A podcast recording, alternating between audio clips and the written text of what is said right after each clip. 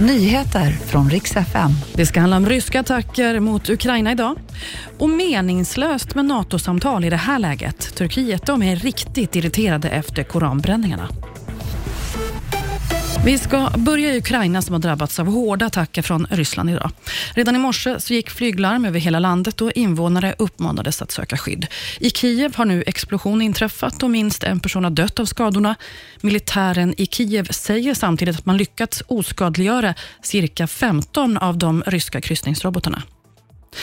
Att ha några NATO-samtal i det här läget det är meningslöst, så säger Turkiets utrikesminister idag. Och Det är med anledning av helgens koranbränning i Stockholm.